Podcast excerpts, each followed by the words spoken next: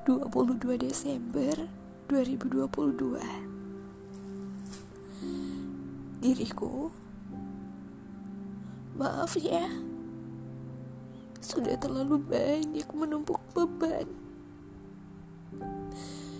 Dengan meletakkan banyak harapan Dengan memaksakan seluruh keadaan di luar jangkauan Betapa tidak berdayanya kita di hadapan peliknya persoalan hidup yang begitu kompleks ini.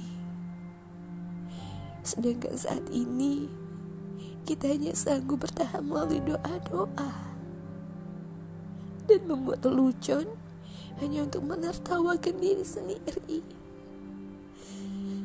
Tapi begitulah hidup.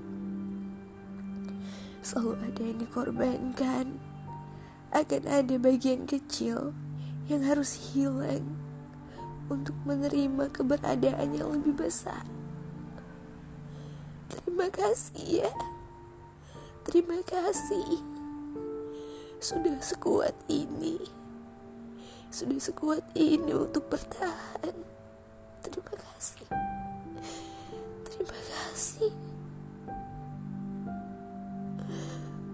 Dan aku harap Semoga kita bisa menghadapi hari-hari berikutnya. Terima kasih. Terima kasih sudah mau bertahan sejauh ini.